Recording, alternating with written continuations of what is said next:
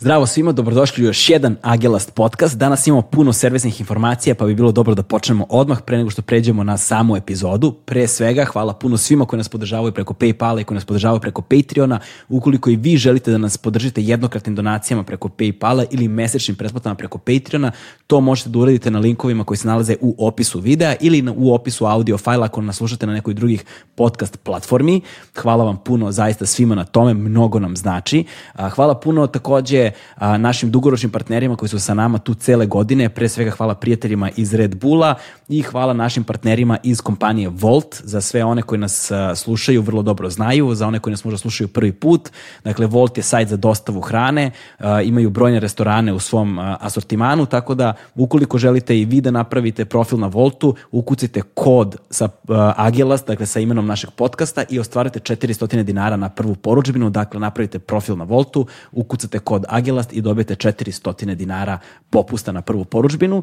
E sada, imamo nove a, dugoročne partnere. U pitanju je kompanija koja nosi naziv Hulu Vu, u pitanju su sjajni momci iz, u pitanju je kompanija za razvoj softvera, ali pored toga oni i podržavaju najrazličitije događaje iz domena kulture i svega onoga što smatraju da doprinosi kulturnom životu u našoj zemlji. Tako posmatraju naš podcast i hvala im puno na tome. Za one koji ne znaju, Hulu Vu je inače iz autostoperskog vodiča kroz galaksiju legendarnog Douglasa Adamsa i predstavlja super inteligentnu nijansu plave boje, za one koje znaju, izvinjavam se na triviji, šaljemo puno pozdrava od naših prijatelja iz Hulu Vue, hvala vam što ste sa nama i hvala, hvala vam što ste nas prepoznali. E, a ovog meseca, a, dakle samo u toku novembra meseca a, imamo partnere iz sponzore, dakle iz Philipsa. U pitanju je proizvod, hibridni proizvod a, koji zovu One Blade. Dobio sam ga pre nekog vremena i zaista je sjajan, mogu da kažem. U pitanju je uređaj koji istovremeno brije, trimuje i oblikuje. Istovremeno je dakle i vodootporan i ima bateriju koja traje dosta dugo i ono što je super uh, iz iskustva mogu da kažem jeste što može, znaju svi koji koriste električne brijače, ovaj, a to je da uh, mogu da se mogu, može se koristiti u, svak, u oba smera i ne možeš da se posečeš apsolutno, što je zaista sjajna stvar. Tako da Philips One Blade hibridni uređaj za oblikovanje, trimovanje i brijanje i mislim da je to to. Sada da pređemo na našu gošću a, u današnjoj epizodi. U pitanju je a, profesorka Marija Đurić. Ona je redovna profesorka na Medicinskom fakultetu u Beogradu, predaje na anatomiju i drži dva kursa na doktorskim studijama. Inače je po vokaciji forenzički antropolog e, i ima jako puno iskustva e, sa, kako sa arheološkim lokalitetima, tako i sa onom teškom temom o kojoj se vrlo redko priča, u pitanju su masovne grobnice. Kosovo, Batenica, Srebrenica, e, potraga za kostima, odnosno stacima Draže Mihajlovića, ona je žena koja je bila na čelu svih ovih timova i koja se bavila a, istraživanjima i, i vršenjem uviđaja na ovim lokalitetima, tako da a, jedan vrlo stručan, a, vrlo zanimljiv sagovornik a, na neke pa dosta teške teme, ali nužne.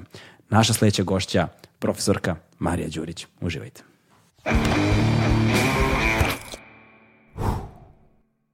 Hmm.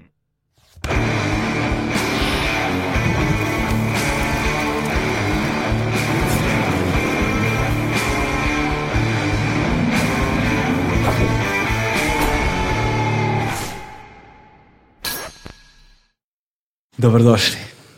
Hvala. Kako ste? Odlično. Ovaj, kada smo se videli i dogovarali za razgovor um, i kada sam postavio pitanje forenzička antropologija, vi ste vrlo uh, ležano rekli ja se bavim kostima. E, pa da, zapravo forenzična antropologija je samo deo onoga, ja se bavim kostima. E, prvo sam se najviše bavila fizičkom antropologijom, što znači kostima iz arheološkog konteksta. Onda su došle 90. masovne grobnice i sticam okolnosti sam se najviše bavila forenzičnom antropologijom.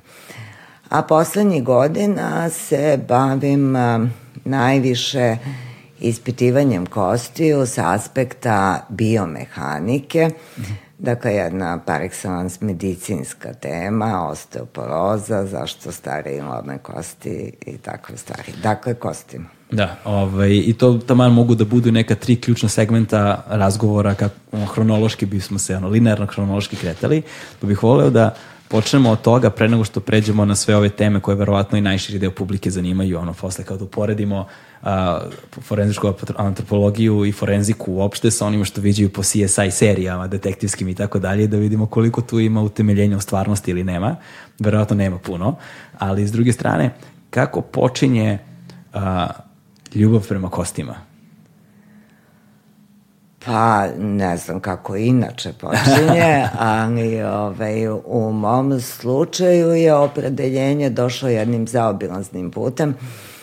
Ja sam završila medicinu, a nekako sviđala mi se kulturna antropologija, pa je fizička antropologija bio jedan kompromis koji je mogao da objedini ta dva interesovanja. A fizička antropologija se bavi kostima. Na koji način je zapravo izgledao taj prvi susret i šta su to kosti govorile o ljudima i šta je to što ste kroz kosti zapravo saznavali?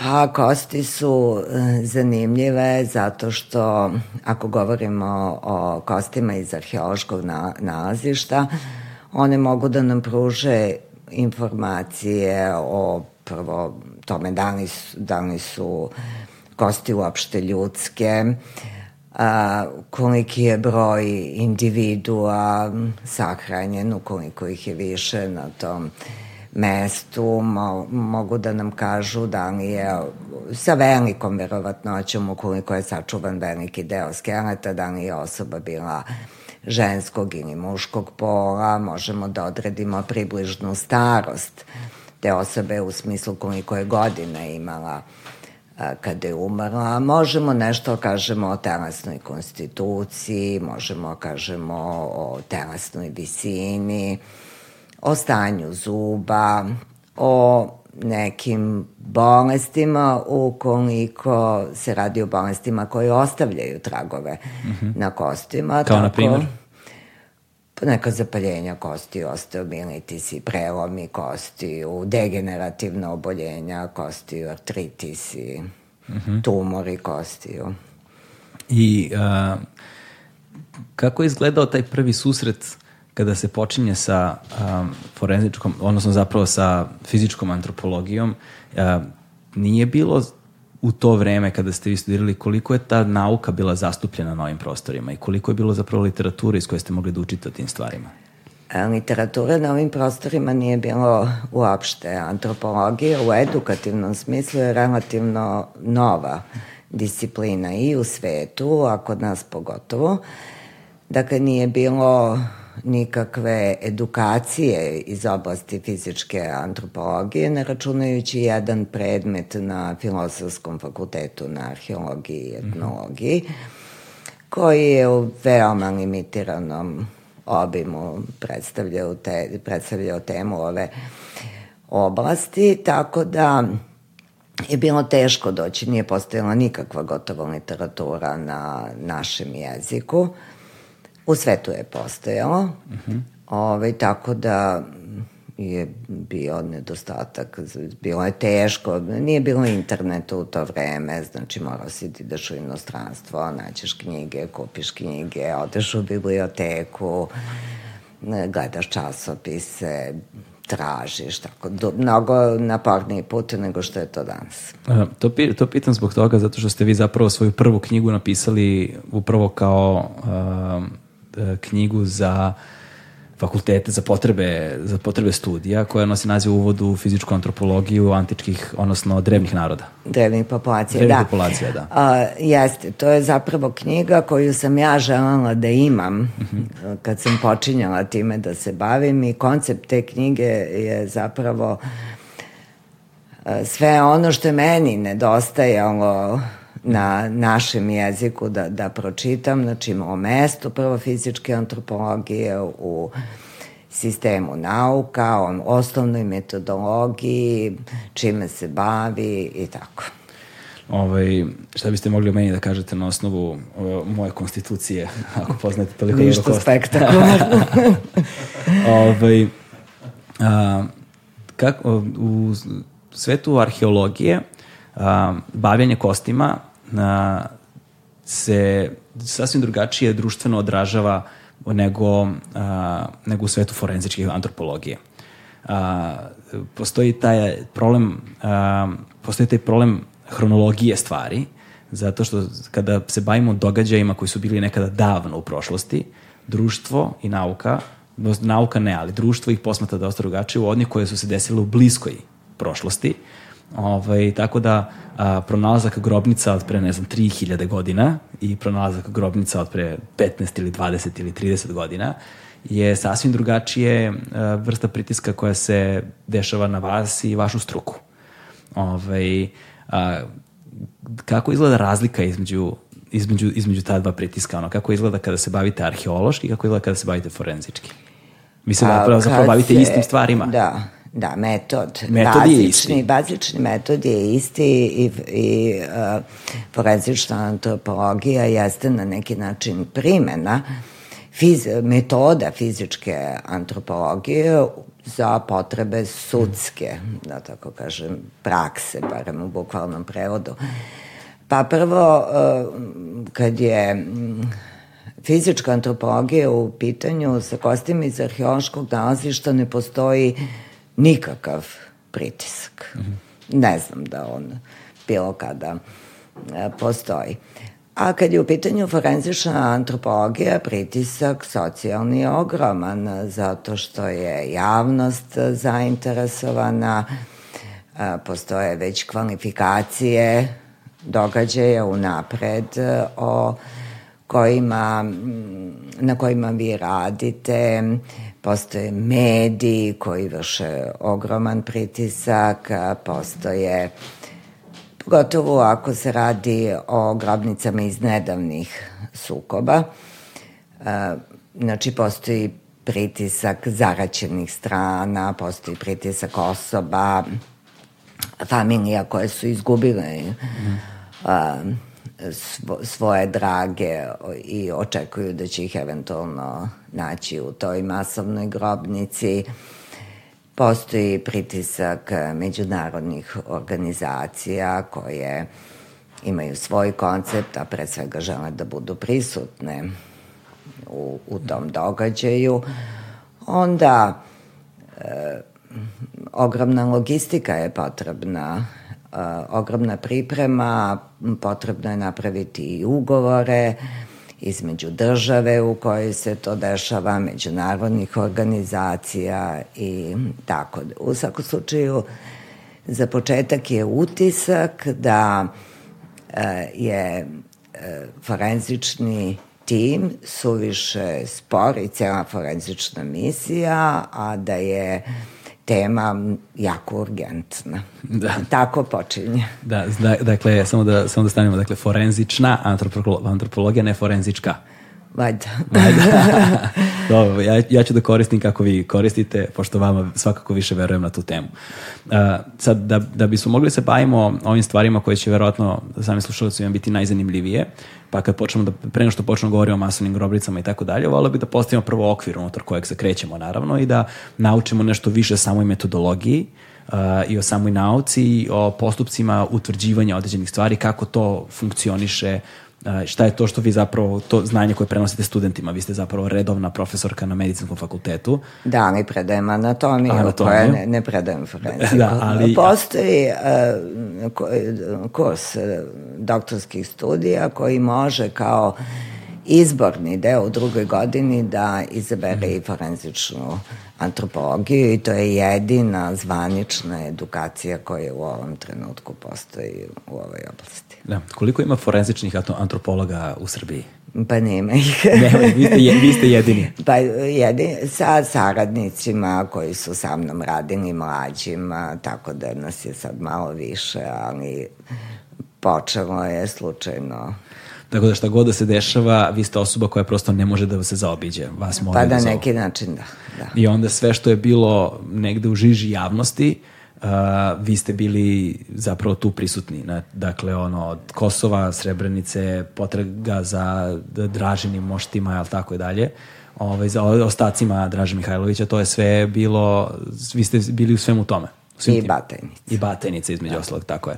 Ovaj, pored toga je bio i Zimbabve, ali ne u forenzičnom smislu. Ja sam tamo išla uh, jednom 90. i možda pete da držim predavanje mm -hmm. na fakultetu iz antropologije, a onda su me pre 4-5 godina pozvali da budem external examiner mm -hmm.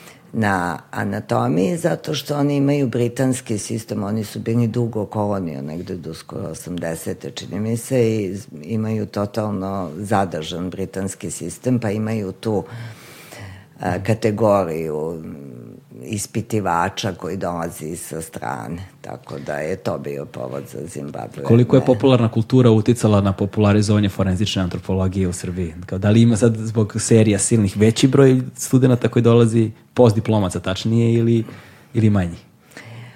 Pa ne znam koliko se to odrazilo ovaj, na, na same ljude koji žele time da se bave, ali popularnost u Srbiji je kao i u svetu. Mm Videla sam to u Americi, na primjer, ogromna. Nije samo kod nas. Serije su učinile jako popularnom ovu disciplinu i donele i mnoge zablude u, u smislu da... Koje su neke od najvećih zabluda koje ste primetili? Pa ja, prvo moram da kažem da ja ne gledam ovaj, uopšte te serije, ponekad po nešto vidim, ali uh, utisak je da uh, je predstavljeno da mnogo više, lakše i preciznije može da se uradi nego što je to realno. Mm -hmm.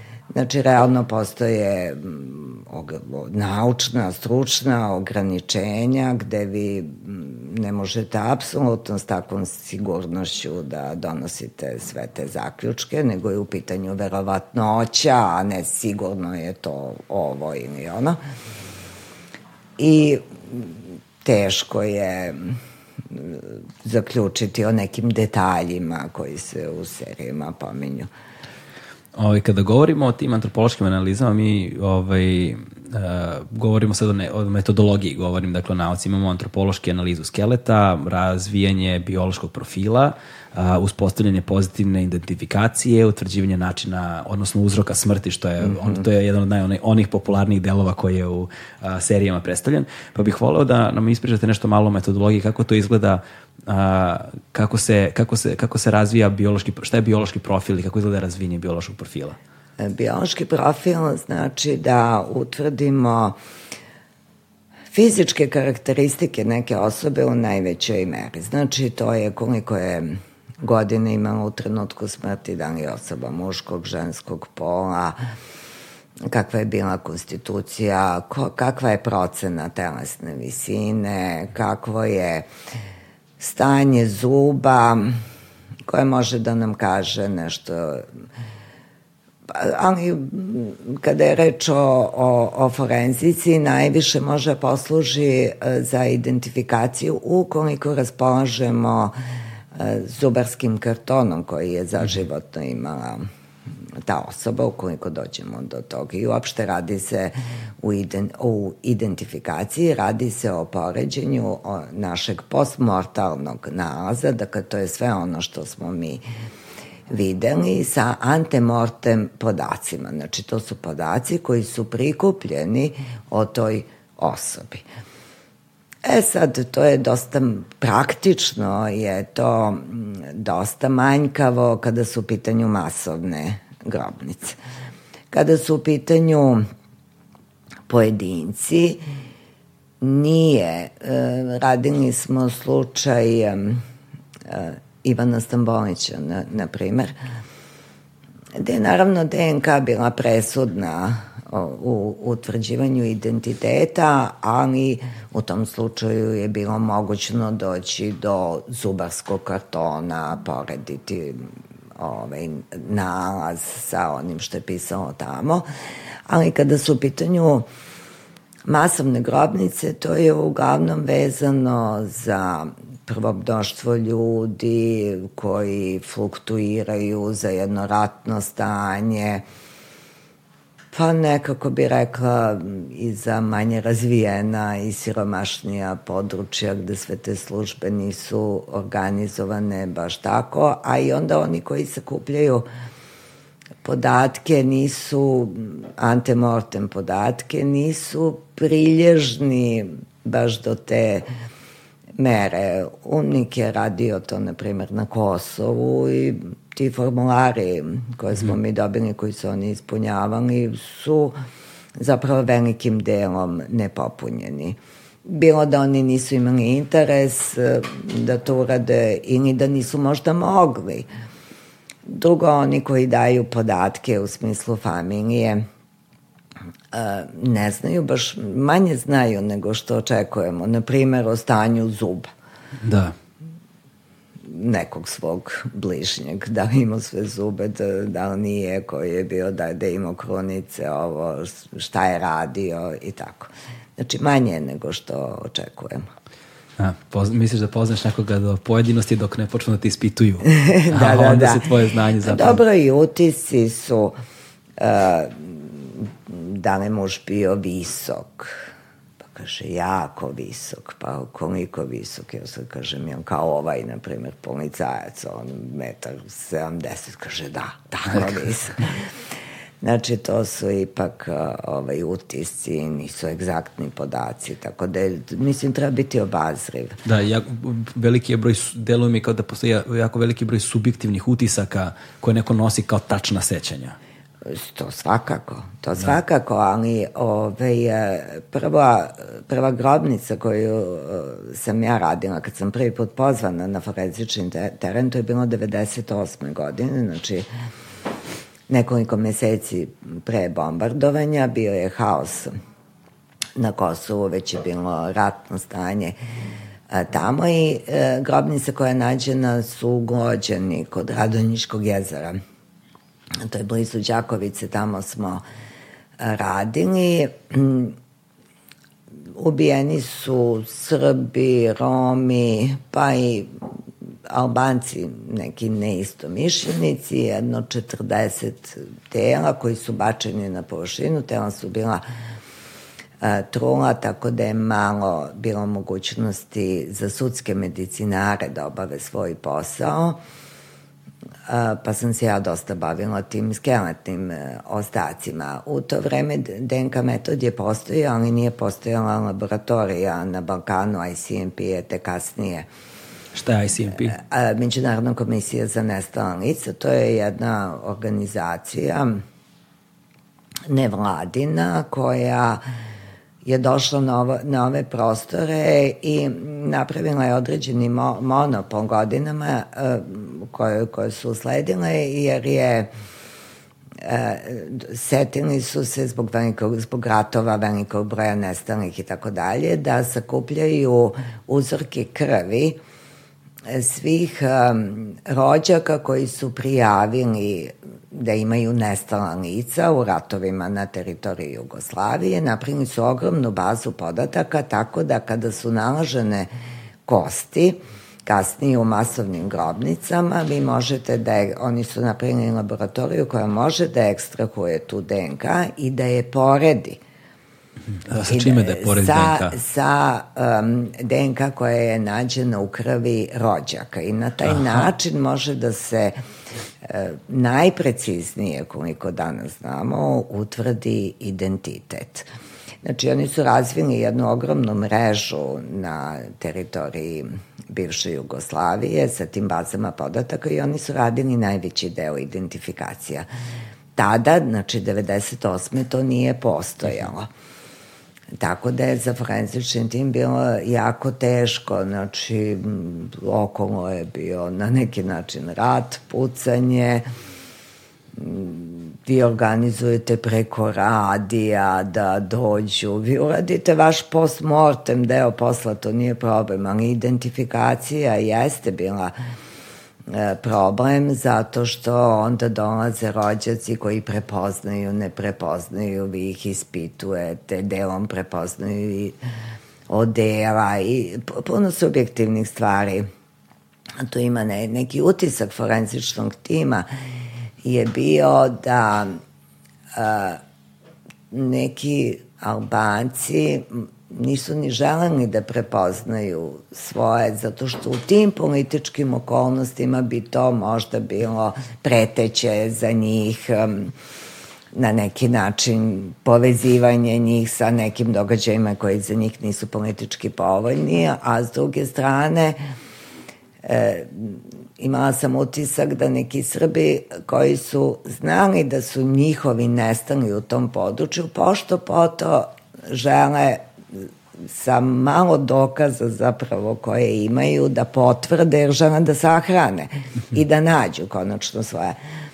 Tako da je to jedan posao koji je e, komplikovan i nije siguran. Mi smo radili identifikaciju tih 39 tela, uspostavila se kasnije rađena DNK analiza, jer smo mi uzeli uzorke, pa ako jednom bude, bude, a bilo je, i nekoliko je pogrešnih identifikacija smo napravili.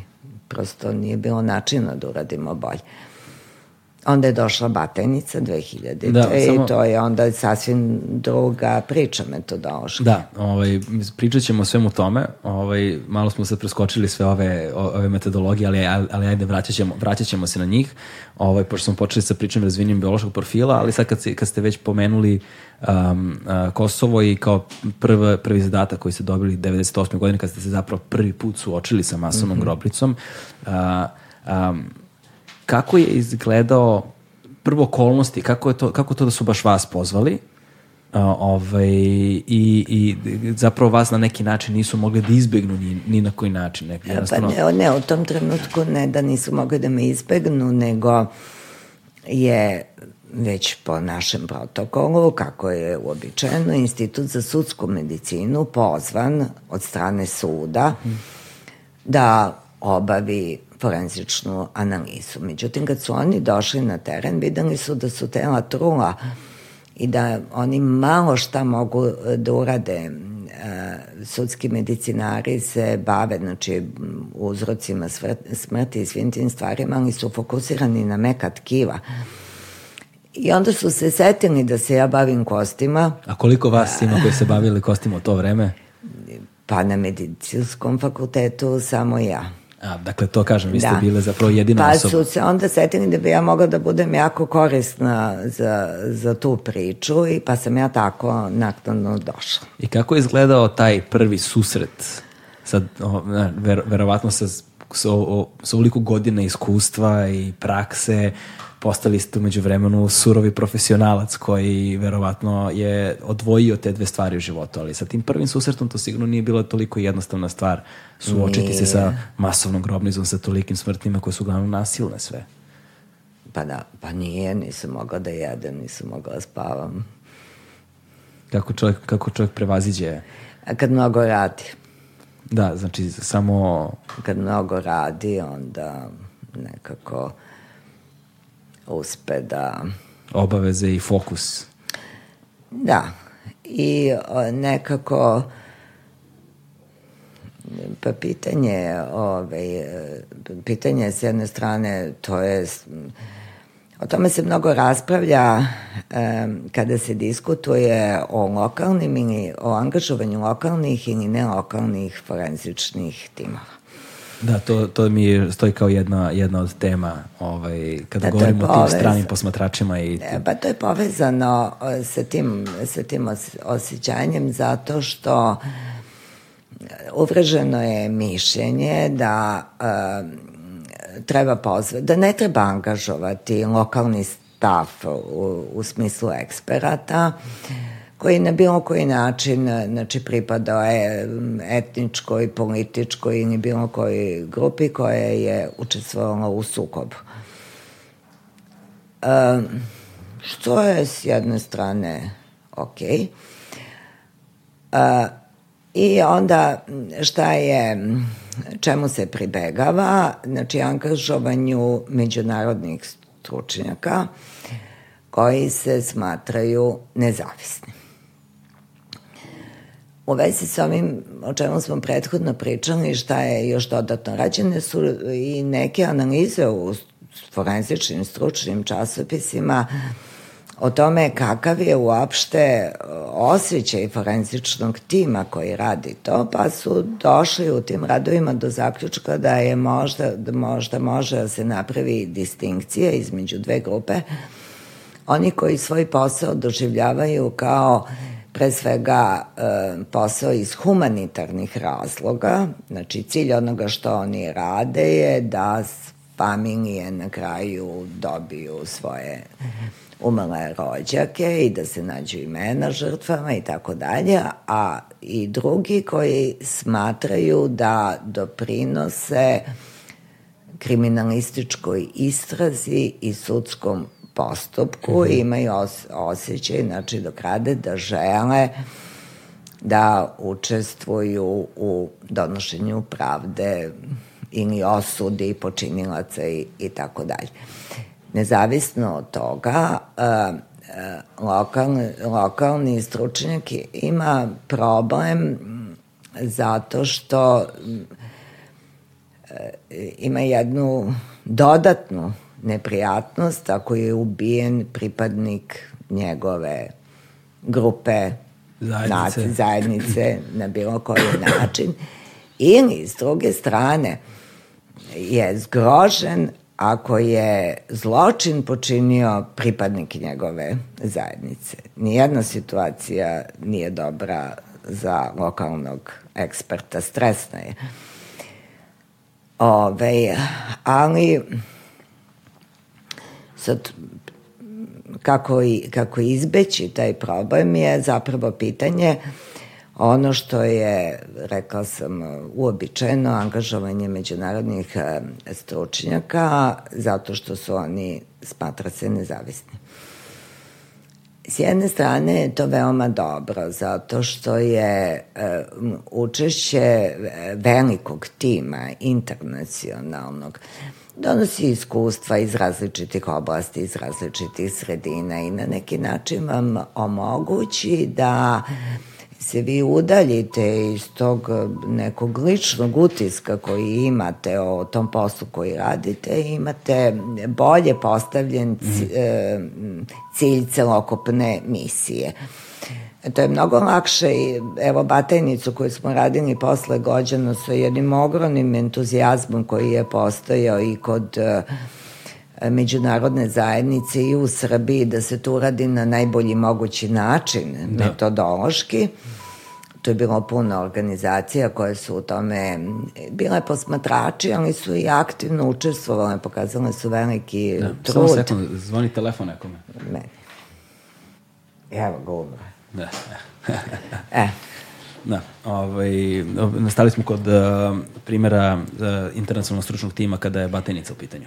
Da, da. To, Kako ta praksa je? Jeste, ta praksa se pokazala kao jedno veliko olakšanje za lokalni forenzični tim, zato što ste imali prvo uh, kontrolu metodologije, ne mislim spoljašnju kontrolu, nego ste vi imali sa kim da se konsultujete ako imate bilo kakvu metodološku uh, dilemu, e, niste, sve bilo javno, transparentno, svi su se složili s vašom metodologijom, sve što je rađeno je rađeno na taj način, imali ste puno stručnjaka da se konsultujete i u tom smislu je to olakšanje za, za forenzični tim.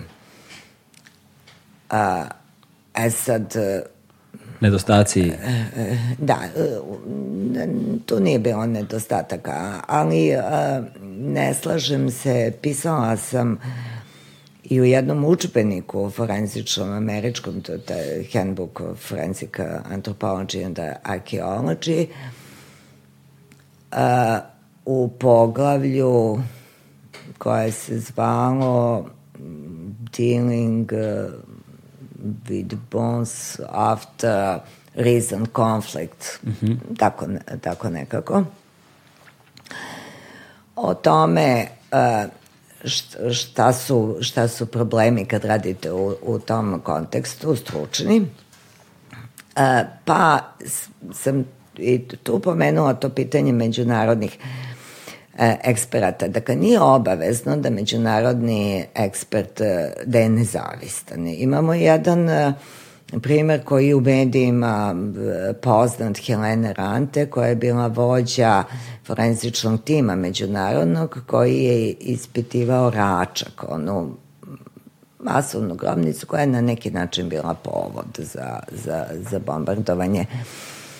Ona je, na primjer, tada dala izjavu u novinama kao svoje lično mišljenje da su Srbi počinili masakr, a njen tim je napisao članak u mislim da je Journal Forensic Science, znači ugodan časopis stručni, da oni ne mogu da zaključe da naprave rekonstrukciju toga šta se dogodilo jer nema dovoljno dokaza koji su analizirani. Pa se onda ona posle izvinjavala, pa napisala knjigu, pa razno razno, kako je ona bila pod pritiskom Biljama Vokera u to vreme da to uradi. Dakle, to je jedan poznat primer da ne znači da to ne mora da znači da je međunarodni ekspert nezavistan, ali mislim da postoji e, rešenje, ja to gledam sa praktičnog stanovišta, i mnogi su uh, antropolozi uh, zapravo primetili tu i radi se na, to, na tom pitanju da se naprave standardi metodološki koji su neprikosnoveni onda je sve jedno da. ko radi. Mislim da je to jedno praktično rešenje koje je odlično. Sad je samo pitanje ono, odgovornog tela koje treba da vrši nadzor na time da se ta metodologija sprovodi, da se ne vrši pritisak na njih ono, da li politički, da li javnosti, da li medijski, da li ovakav, da li onakav? Pa dobro, ako imate uh, u bilo kom tom posmatračkom telu uh, mnogo ljudi s različitih strana mm. i ako imate ugledne, individualno ugledne stručnjake, mislim da možete u velikoj meri da, da... da... Kada govorimo o posmatračima, tu postoji jedan uh, uh, tim takozvanim pozvanim forenzičkim stručnjacima. Postoji jedan ovaj, primer uh, tamo pre drugog svjetskog rata ili tako nešto, ali tako? Sa... A prvi? Da. Pa prvi koji ja znam je zapravo uh, angažovao Goebbels. Tako je O, e, radi se o masakru u Katinskoj šumi koji su Sovjeti ove, ovaj, učinili nad Poljacima, što su ustanovilo kasnije, ali dok je to bila okupirana teritorija od strane Nemačke. Otkrivena je masovna grobnica i Goebbels je provalio šta se, šta se desio i bio je verovatno srećan da ima nešto za što oni nisu krivi, a može se optužiti neko drugi, što je, by the way, bila istina, ali je interesantno, on je zaista očigledno bio stručnjak za propagandu sa više strana, a i napravio je tim mm -hmm. međunarodnih posmatrača, njih 12, angažovao je Međunarodni crveni krst e, i to su bili razni medicinari, forenzičari, patolozi, ovo ono, iz zemalja koje su pa ne znam, bile u saradnji sa Nemačkom u, u to vreme. Belgijanci, bio je jedan iz Zagreba, profesor, da. i tako, Švajcarska, ne, ne znam, Finska, tako. Tako da o kontekstu ima i uticajima možemo da govorimo sa različitih aspekata i na različite načine. Apsolutno, pitanje je složeno i treba da. biti obazriv.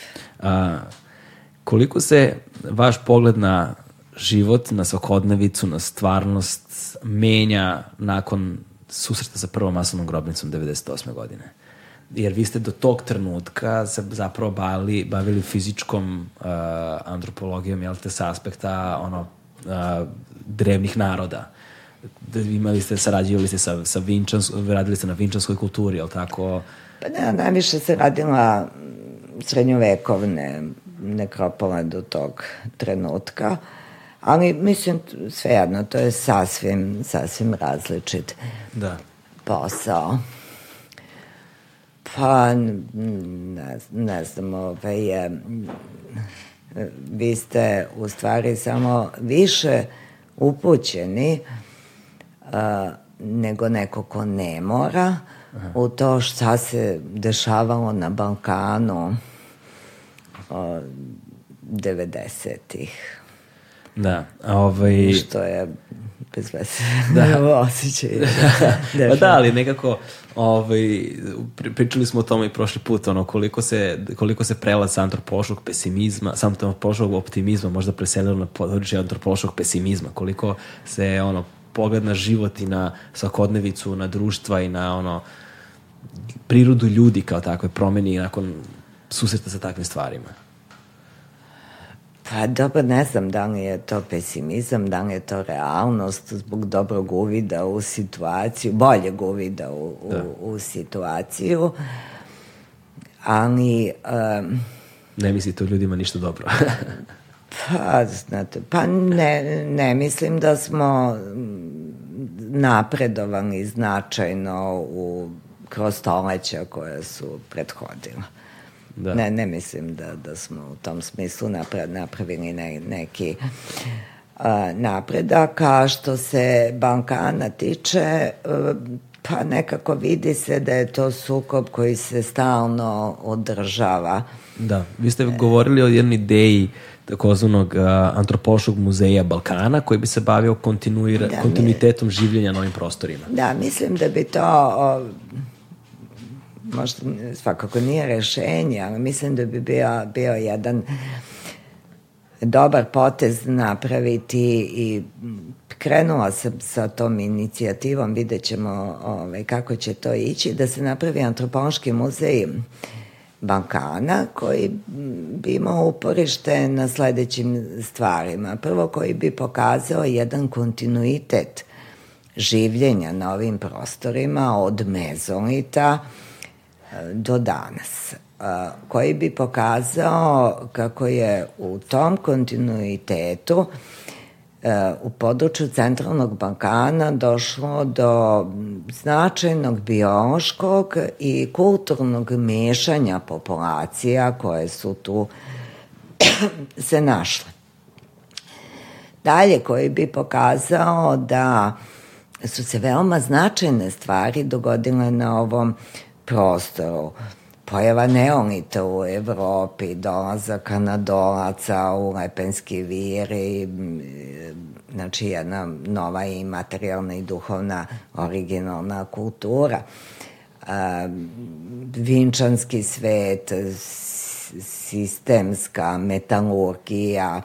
Znači, to su bile prekretnice um, i još jedna stvar je tu bitna, e, nije Bankan bio samo raskršće, neka vetrometina gde su se ukrštani putevi, nego je bio i poželjno ishodište za mnoge koji su dolazili.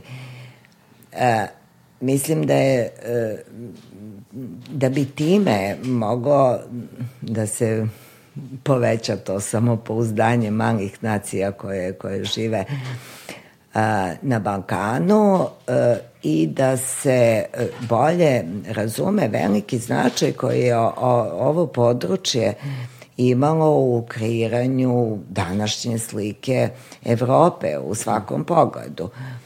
To je jedna, jedna lepa stvar koja mislim da nedostaje. Da, vrlo je, vrlo, vrlo je zanimljiva ta sintagma koju ste upotrebili koja kaže samopouzdanje nacije. Ovaj, pa, da. da. Ja sam ovde zapisao, kada smo pričali o upoznanju nacije, kao a, a, da nikada sa aspekta forenzičke nauke nije jasno rečeno narodu zapravo šta se dešava i da su uvek ostajale otvorene teme za spekulaciju koje, na kojima se onda kapitalizovalo kroz da li politički sistem, kroz ovaj ili kroz onaj sistem i da negde postoji uh, jedna vrsta ono, problema koji nam se ponavlja kroz istoriju? Pa je, Srebrenica je primer, recimo, za to 25 godina kasnije. Mi imamo manje više aktuelnu raspravu o tome šta se dogodilo, koliko ljudi je ubijeno, kako su stradali ovi, kako su stradali oni.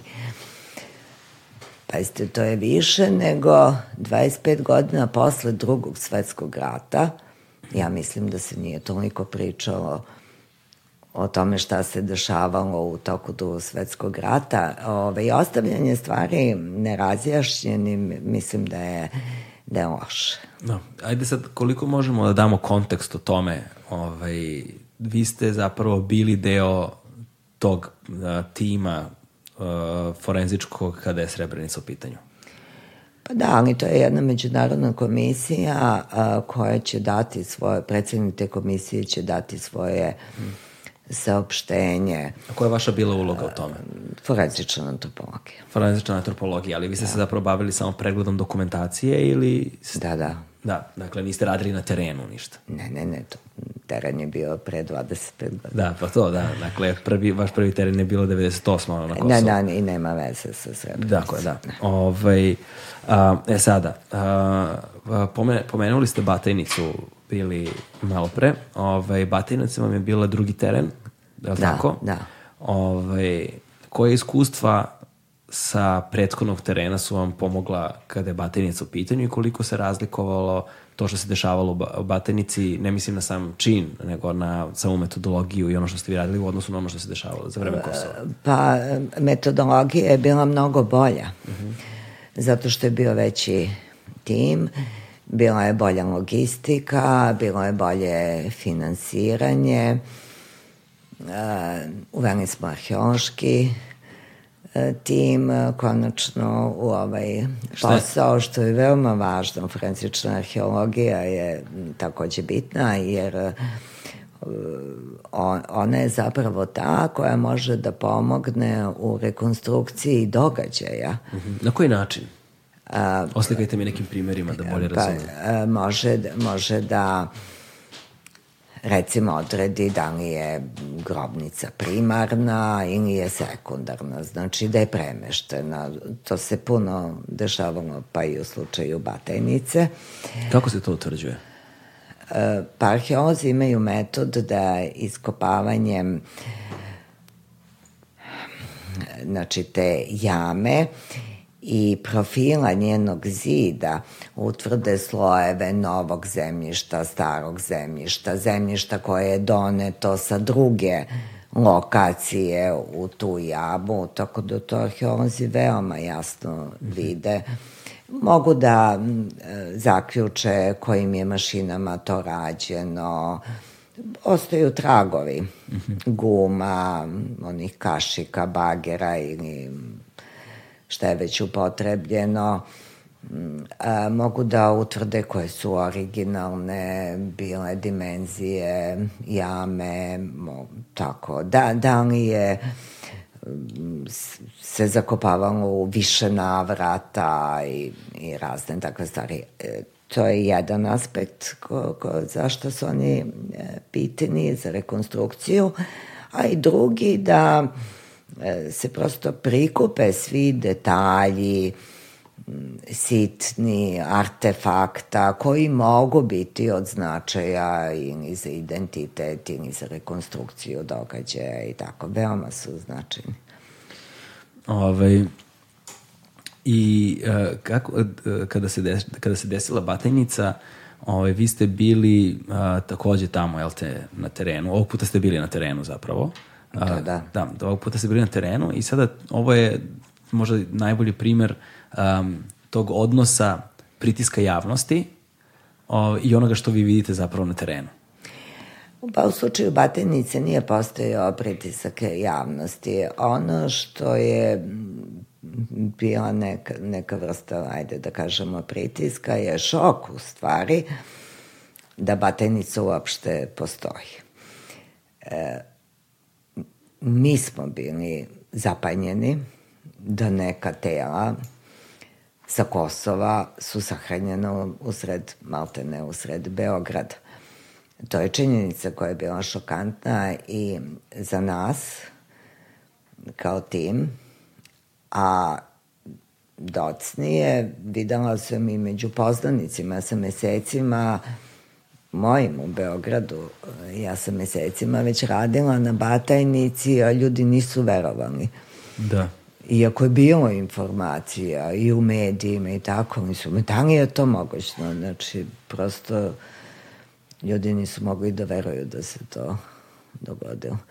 Nikakvih pritisaka nije bilo kad je Batajnica rađena. Tu je bio jedan konsenzus ovaj, i lokalne vlasti i međunarodne zajednice da se nešto uradi na najbolji mogući način. A u kom slučaju bismo mogli da kažemo da se ta, a, ta, ta, ta, ta suprotnost, ovaj, taj jaz u onome što je kao negde javni narativ i onoga što ste vi videli na terenu mogla da se doživi. Onda, ne znam, da ustanete ujutru, gledate dnevnu štampu, uključite vesti, a kao vi ste ti koji radite na terenu i vidite šta, šta se priča, da stvari izgledaju sasvim drugačije u stvarnosti. Um, pa, zapravo ne sećam se koliko se javno mm -hmm. pričalo u medijima o, o Batajnici, dok je to počinjalo, sećam se samo da je vreme bilo prvo uh, Saša Ćirić iz vremena koji je objavilo članak o batajnici detalj. Eto, toga, toga, da. se, toga se sećam. Mislim da nije bilo, da jednostavno koliko se sećam, nije bilo informacije uopšte o tome u medijima. Da, a, a kada se kada je kada je krenula vi ste, kada je krenula potraga za ovaj ostacima Draže Draže Mihajlovića. Da. Da, to je bilo 2011. godine. Kako izgledala cela ta stvar? Opišite mi je. A, mi smo imali u to vreme, mislim da, da je sada prestala da radi, jednu komisiju državnu za otkrivanje tajnih grobnica. Hm. Ta komisija se e, prevashodno e, bavila otkrivanjem grobnica tajnih sa kraja drugog svetskog rata, kada su streljani zapravo pod velom kolaboracije sa fašistima, sa Nemačkom, ne, politički neistomišljenici. Mm -hmm. Pa je tu mnogo ljudi pa i Volksdeutscheri u krajnjem slučaju, a mnogo ljudi je tu stradalo i ta komisija se prevashodno bavila tim pitanjem, ali ne znam kako i zašto. E, pozabavili su se pitanjem Draže Mihajlovića, pa su našli neke kosti na Adi Ciganli, a pila je jedna od, jedan od mogućih scenarija je da je Draža Mihajlović ubijen, on je bio u zatvoru koji je u to vreme postojao mm, na Diciganliji i da je on je osuđen za sve to, zašto je osuđen, pre svega za saradnju sa okupatorom i tako dalje, od strane režima i ubijen je mislim, osuđeni na smrt, mada nema mm, nikakve dokumentacije o tome gde je on ubijen. Jedna od pretpostavki je bila da se to desilo baš izvan zatvora na Adi. U svakom slučaju ova komisija našla neke kosti. Sud je angažovao mene, to uvek radi sud. E, pa, pogledala sam te kosti, te kosti su bile neke pileće životinske kosti, malo ko, koščica, nisu bile ljudske, ali dobro sud je dana odluku da se istraži to područje. Opet sam pozvala Andreja Starovića, arhe, arheologa koji godinama radi um, forenzične terene sa mnom i krenuli smo ovaj, ispitivanje celog tog područja što je na Adi. Koliko je veliko to područje bilo? Pa ne znam koliko je, pa veliko je, ne znam, možda hektar jedan, recimo, veliko. Ali da, mi smo morali, morali prvo da nađemo ovaj, gde, su, gde su zidovi, ostaci zidova tog zatvora. Umeđu vremenu je Vuk Drašković već postavio krst i cveće i sve ono oko i novine su tu.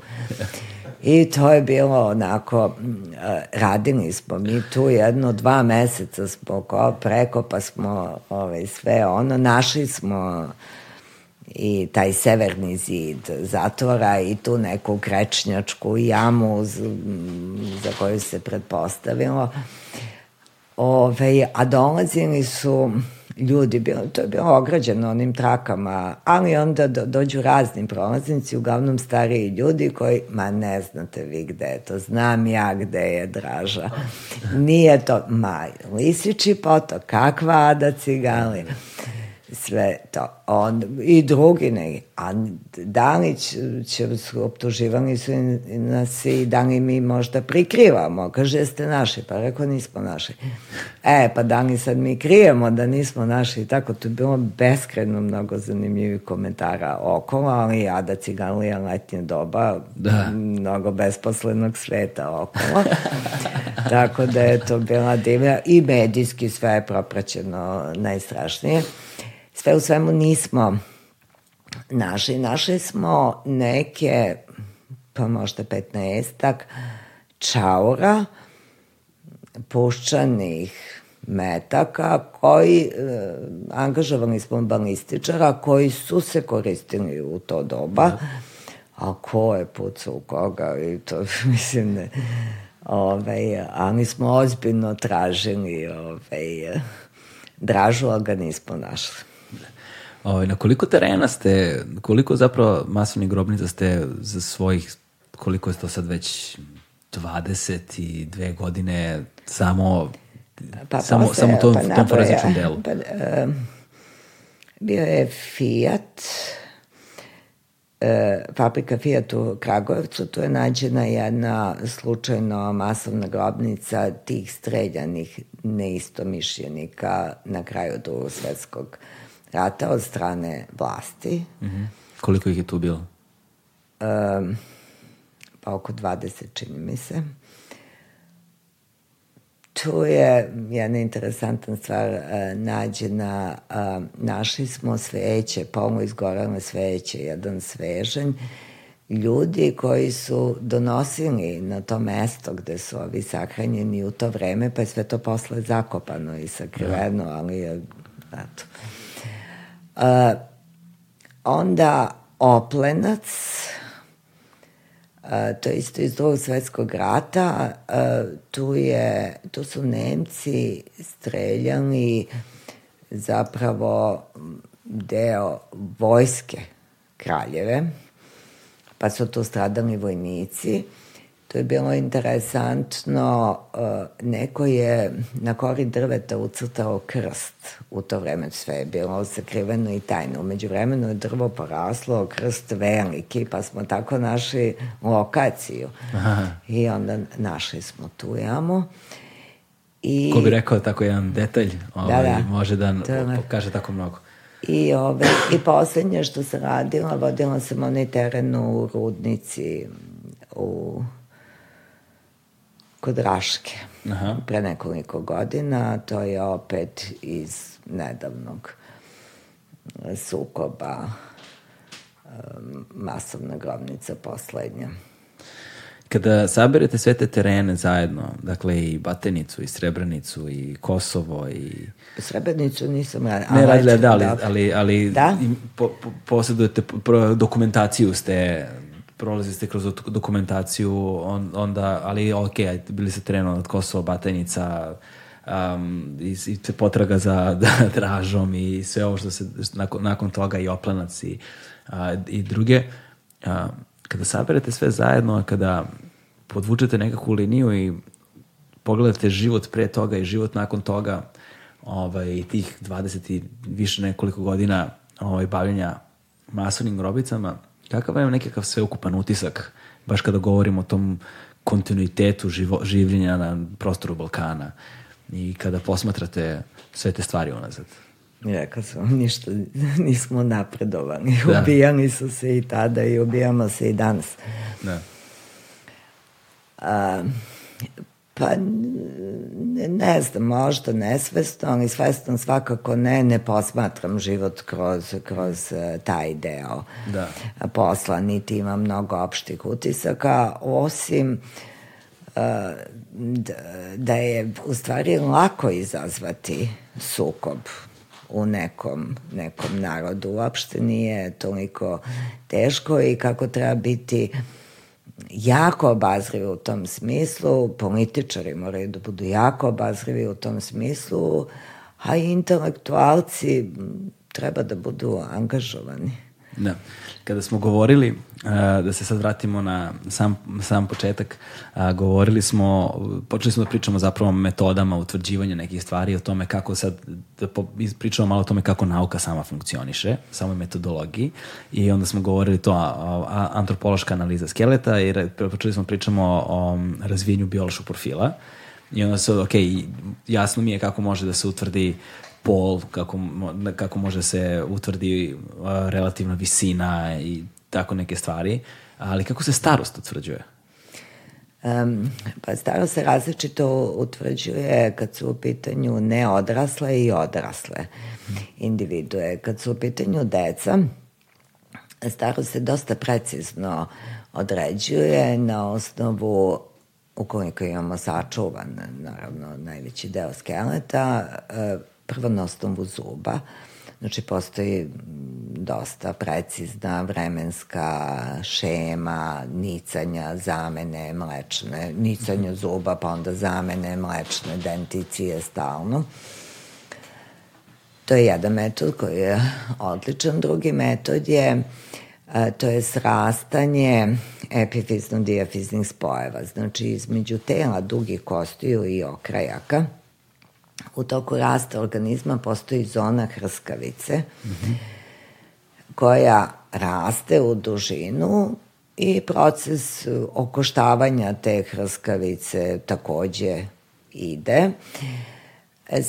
Međutim, to traje tokom celog našeg rasta i to je način kako mi rastemo u visinu. I u jednom trenutku prosto taj proces kalcifikacije, okoštavanja sustigne postane brži nego rast te hrskavice koja je između ona okošta i kost postane jedna, jedinstvena kakvu imamo mi kad smo odrasli. E, ta činjenica se koristi zato što ti spojevi koji su hrskavičavi, on, oni propadnu je tako, u zemlji i, osta, i vi imate, ne znam, dugu kost koja ima telo i potpuno odvojena dva okrajka, jer je hrskavica između propala. E sad, postoji vremenska šema u kojim godinama srastaju ti okrajci dugi kostiju sa njihovim telima, pa i to je način, tako da dosta precizno može da se odredi starost neodraslih individua. Kod odraslih individua je mnogo manje precizno i što je veća starost, to je manje precizan metod. Uh, prednji delovi karnični kostiju imaju neke zglobne površine koje, kojim se zglobljavaju leva i desna. To se zove pubična simfiza i ona menja morfologiju sa starenjem, tako da postoji nekakav metod koji nije toliko neprecizan kod mlađih osoba, ali je sve neprecizniji, sve je sve već, veći taj range, da, da je okvir od do koliko bi mogla da ima godina ta osoba. Onda imamo neke dodatne kriterijume, degenerativne promene, na kičbenim pršljenovima, abrazije, ispadanje zuba, srastanje lobanjskih šavova između kostiju i tako. Koliko ste ono, a, tela pregledali za ovih 30 plus godina karijere? Hiljade. Hiljade? Pa da, ako računamo i arheološki deo, zaista hiljade. I šta su vam ta, ta tela rekla o, o, o življenju na ovim prostorima, osim ovih sukoba o kojima smo toliko pričali? Ma da je beskrajno interesantan ovaj prostor. Beskrajno, beskrajno interesantan i da su se važne stvari ovde događale i da zaista bi bilo mnogo korisnije za, za sve nas da se manje bavimo nedavnim nedavno nastalim razlikama i da se bavimo onim što je stvarno za celo ovo područje interesantno. A, šta je, e, kada govorimo o utvrđivanjima načina uzroka smrti, mm -hmm. ovaj, koje su najveće zablude i koje, koje, koje su najveće zablude u javnosti na, kada govorimo o utvrđivanjima uzroka smrti koje se možda provlače kroz popularnu kulturu i tako dalje. Ovaj, I odnos kao stvarnosti i očekivanje. Na koje načine se sve zapravo utvrđuje ti uzroci? E, utvrđivanjem uzroka smrti se bavi sudska medicina. Na zapadu, pre svega u Americi, se delom i time bave i antropolozi, jer je tamo antropologija formulisana kao jedna šira disciplina, ali ipak je to par excellence sudsko-medicinsko pitanje. Oni su naj, najstručniji za to. I sad tu postoje mnogobrojni metodi uh, kada su u pitanju meka tkiva. Da. Či te stvari, koliko ja znam, sigurno oni imaju neke druge primere, ali nisu sporne. Kada su u pitanju skeletni ostaci, uh, Znači imate traume, za, najđete na neke traume na skeletu za koje prvo morate da utvrdite da li su nastale naknadno, postmortalno. I nisu nastale za život. Ili, su na, ili ne znate, pa su... Koliko je jasno da li su a, neke pa traume pa nastale post ili za života?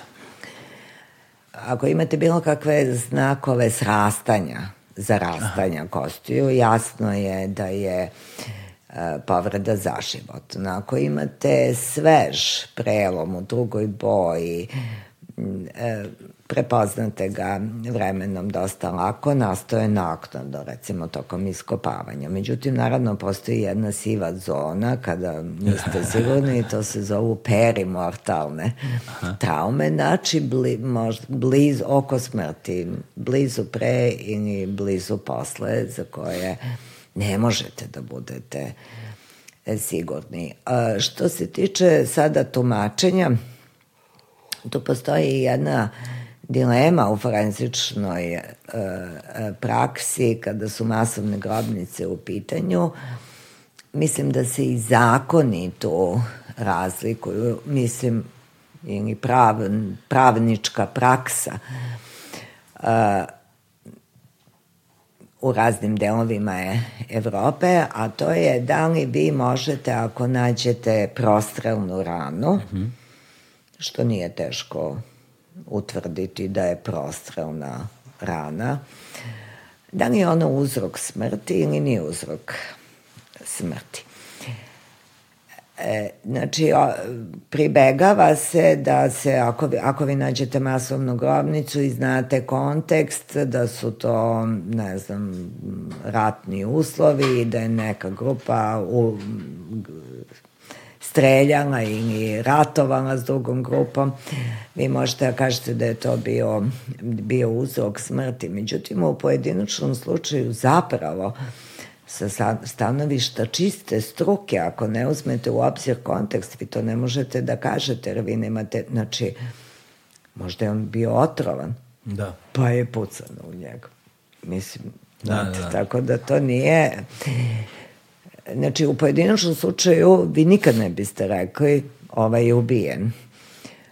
Uh, uzimajući u obzir kontekst, uh, često se kaže ovaj je ubijen jer je nađen metak, mada je to više uh, po, po meni posao sudije koji ima celu sliku, nego samog a, sudskog a, Da, teško je zapravo kada se... Lekara, jer on ima svoje kriterijume zasnovane samo na, njegov, na njegovoj struci i on po pravilu tako nešto i ne može da kaže. I baš tam batenici naši e, sudski lekari nisu to, ostavljali su uzrok smrti nepoznat, ovaj, ima prostrelnu ranu sad. Neki su se bunili kako, nepoznam, pa kaže ne znam šta je bilo, ne mogu da tvrdim. Ima ranu, a sad da li baš umro od toga, ne znam. I tako, znači to su, to su pitanja tumačenja. Da, za, baš razmišljam sad da baš je teško u suštini nikada mi kada sad, kako to, kako to sad objasniti kada govorimo o takvim stvarima, to je ona ona hronologija, odnosno ovaj, hrono, hrono, hronologija smrti o kojoj smo govorili, kao ako su nek, u pitanju nekakvi sukobi koji su bili nedavno, oni su uvek obojeni i s jedne strane dubokom subjektivnošću, ogromnim emotivnim nabojem i onda, kao što ste vi sami rekli, postoji potreba velikog broja ljudi za zaključkom, postoji velik, potreba velikog broja ljudi za rešenjem, postoji veliko, potreba velikog broja ljudi vjerojatno da optuži možda nekoga ili za ovo i za ono. Sve to. A da ni sami ne prepoznajemo možda sve te aspekte. Ovaj, I da nešto, ma koliko izgledalo očigledno, ako se posmatra samo taj uzorak, može da stvori vrlo iskrivljenu sliku. I da se radi na jednom vrlo pipavom terenu. Da, e, a, sve to, sve to postoji, ali ima i jedno, s moje tačke gadište, ja tome prebegavam, zaista praktično rešenje, a to je biti dosledan stručno. Znači, ne izlaziti iz, iz okvira svoje struke, pa kako god da. očekivanje bilo. To je jedan dosta siguran put. Da. Ne vidim bolje rešenje. A koliko je teško u osetljivim temama zapravo ostati i biti svestan da si sve vreme u okvirima toga. Ja verujem da je pa. Pa kako metod... kome, meni nije. ne, ne znam kako je drugima, meni nije teško. Dobre, nema puno, nema, nema puno ovaj, forenzičkih, a, forenzičnih antropologa na našim prostorima sa kojima biste mogli da se upoređujete s druge strane. Ovaj, ali dobro, a, do sada smo govorili samo o smrti. Ajde pričamo malo i o životu.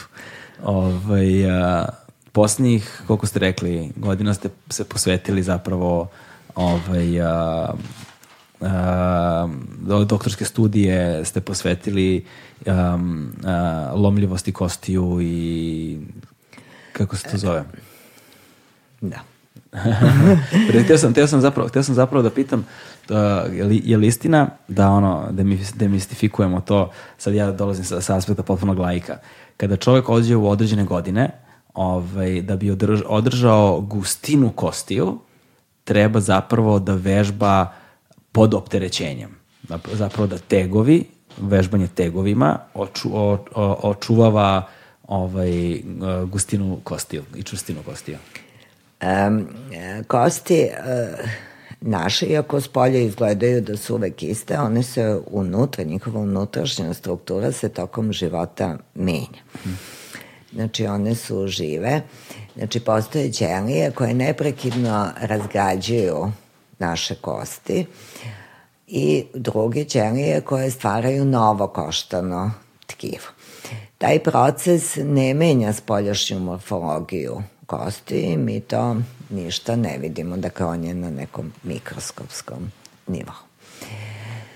A, to je dobro, zato što se stara kost zamenjuje novom kosti koja je mehanički bolja, ima bolje karakteristike, otpornije i tako dalje.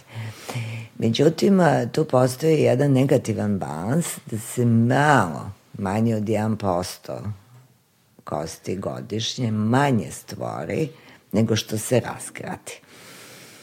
Tako da mi vremenom imamo gubitak gustine kosti i taj proces se zove osteoporoza i to je ono što je popularno danas. I osteoporoza jeste, ali insistiram na tome ne jedini, ali jedan od bitnih razloga zašto starije osobe ome kosti lakše nego mlađe osobe. Što se tiče fizičkih vežbi, ono što je na taj proces stvaranja ili razgradnje kosti utiče jako mnogo faktora. Između ostalog je mehanički stres koji kost trpi, on je stimulativan za one ćelije koje stvaraju kost. I onda u tom pogledu o, fizička aktivnost je jako dobra za kosti.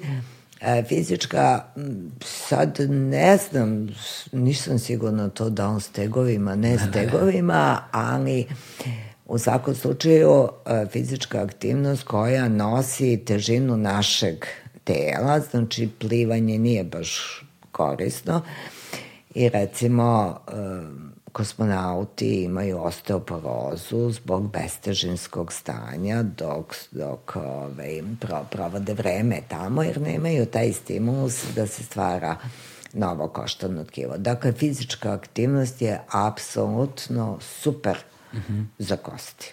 Je li istina da žene zapravo oboljevaju više od osteoporoze nego muškarci? E, jeste, zato što je e, taj proces e, e, razgradnje koštanog tkiva stimulisan hormonima i zbog menopauze hmm. žene e, zaista imaju u proseku veću osteoporozu. Kako zapravo izgleda taj vaš kurs na doktorskim studijama? A doktorske studije su, zovu se Bone Biology i um, to nastava traje dve godine kao i na svim doktorskim studijama, odnosno tri semestra. U drugom semestru su predavanja o građi kosti, o različitim aspektima, o inervaciji, vaskularizaciji, patologiji kostiju, imidžingu, kako možemo da ih vidimo i tako dalje, a taj a, treći semestar je ono što studenti biraju, znači u principu ili će se baviti biomehanikom, mm -hmm. ili će se baviti forenzičnom ili fizičkom antropologijom. E, većina se opredeljuje za biomehaniku jer je to, su to doktorske studije na medicinskom fakultetu i tu ima A forenzička? Doktor, pa, pa bilo je nekoliko Ne, studi... mislim, nije na medicinskom fakultetu i to ili... E, e, šta forenzička? Forenzička antropologija. Ne, to je samo taj izborni treći Aha. semestar u okviru ovih doktorskih studija inače ne postoji. Aha ne postoji forenzična antropologija kod nas nigde mimo ovoga u edukativnom zvaničnom sistemu. Postoji sudska medicina koja se zapravo ne bavi baš tim stvarima. Da. I za kraj vi ste, vi ste pomenuli da ste pokrenuli doktorske studije na engleskom jeziku da. ovaj, sa vrlo konkretnim razlogom. Pa zato što je nauka danas, volim mi to ili ne, na engleskom jeziku. Znači, mislim da je to korisno za studente, znači, oni svakako moraju da čitaju literaturu na engleskom jeziku i moraju da, pi, da pišu naučne publikacije na engleskom. Da jeziku. Znači, njima slušanje, predavanje i njihova vežba u tim prezentacijama koji oni uh, ovaj, prave tokom studija pomaže da, da, da postanu prosto obučeni za ono što ih čeka ako žele da se bave naukom. To je jednostavnije nego praviti tezu na srpskom, prevoditi, pa onda radove opet vraćati da. u engleski pa štampati. Mislim, mislim da je za njih praktično. Da, a s druge strane, ovaj, vi ste, kako ste sami rekli, e, strog profesor od samog početka. Ovaj, nema, nema romantizovanog približavanja nauke studentima kada se upišu na kurs.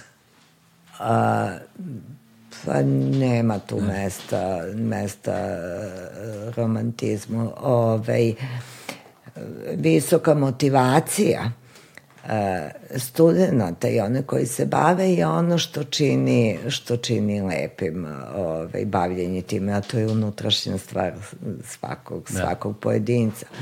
Ono što je lepo ovde je ta laboratorija u kojoj je divna atmosfera, mnogo mladih ljudi, svi mhm. vole to da rade i to je ono što je okej. Okay. Koliko smo mi tehnološki zapravo u odnosu na trendove na zapadu, barem kada govorimo o forenzičnoj antropologiji? Pa da, kad govorimo o, for, o forenzičnoj antropologiji, tu nismo u zaostatku, prosto jer nije potrebna skupa oprema Aha. da bi se to radilo. Što se tiče ove biomehanike kostiju, tu smo uspeli da nabavimo ovaj, neku opremu u poslednjih deseta godina, tako da smo kompetitivni, da, da, da. kažem, na evropskom naučnom tržištu. Ove, ali svakako nauka zavisi i od novca i nema nauke bez novca i nezamislivo je napraviti dobru laboratoriju bez ozbiljne investicije.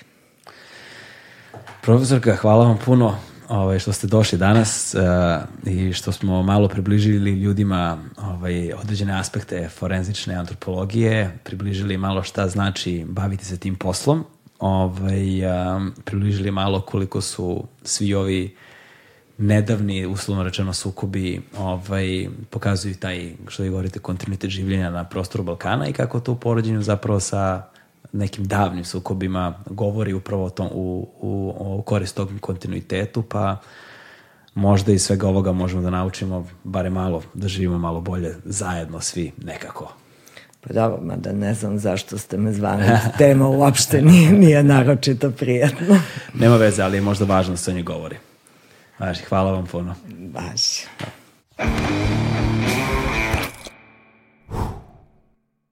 Hmm.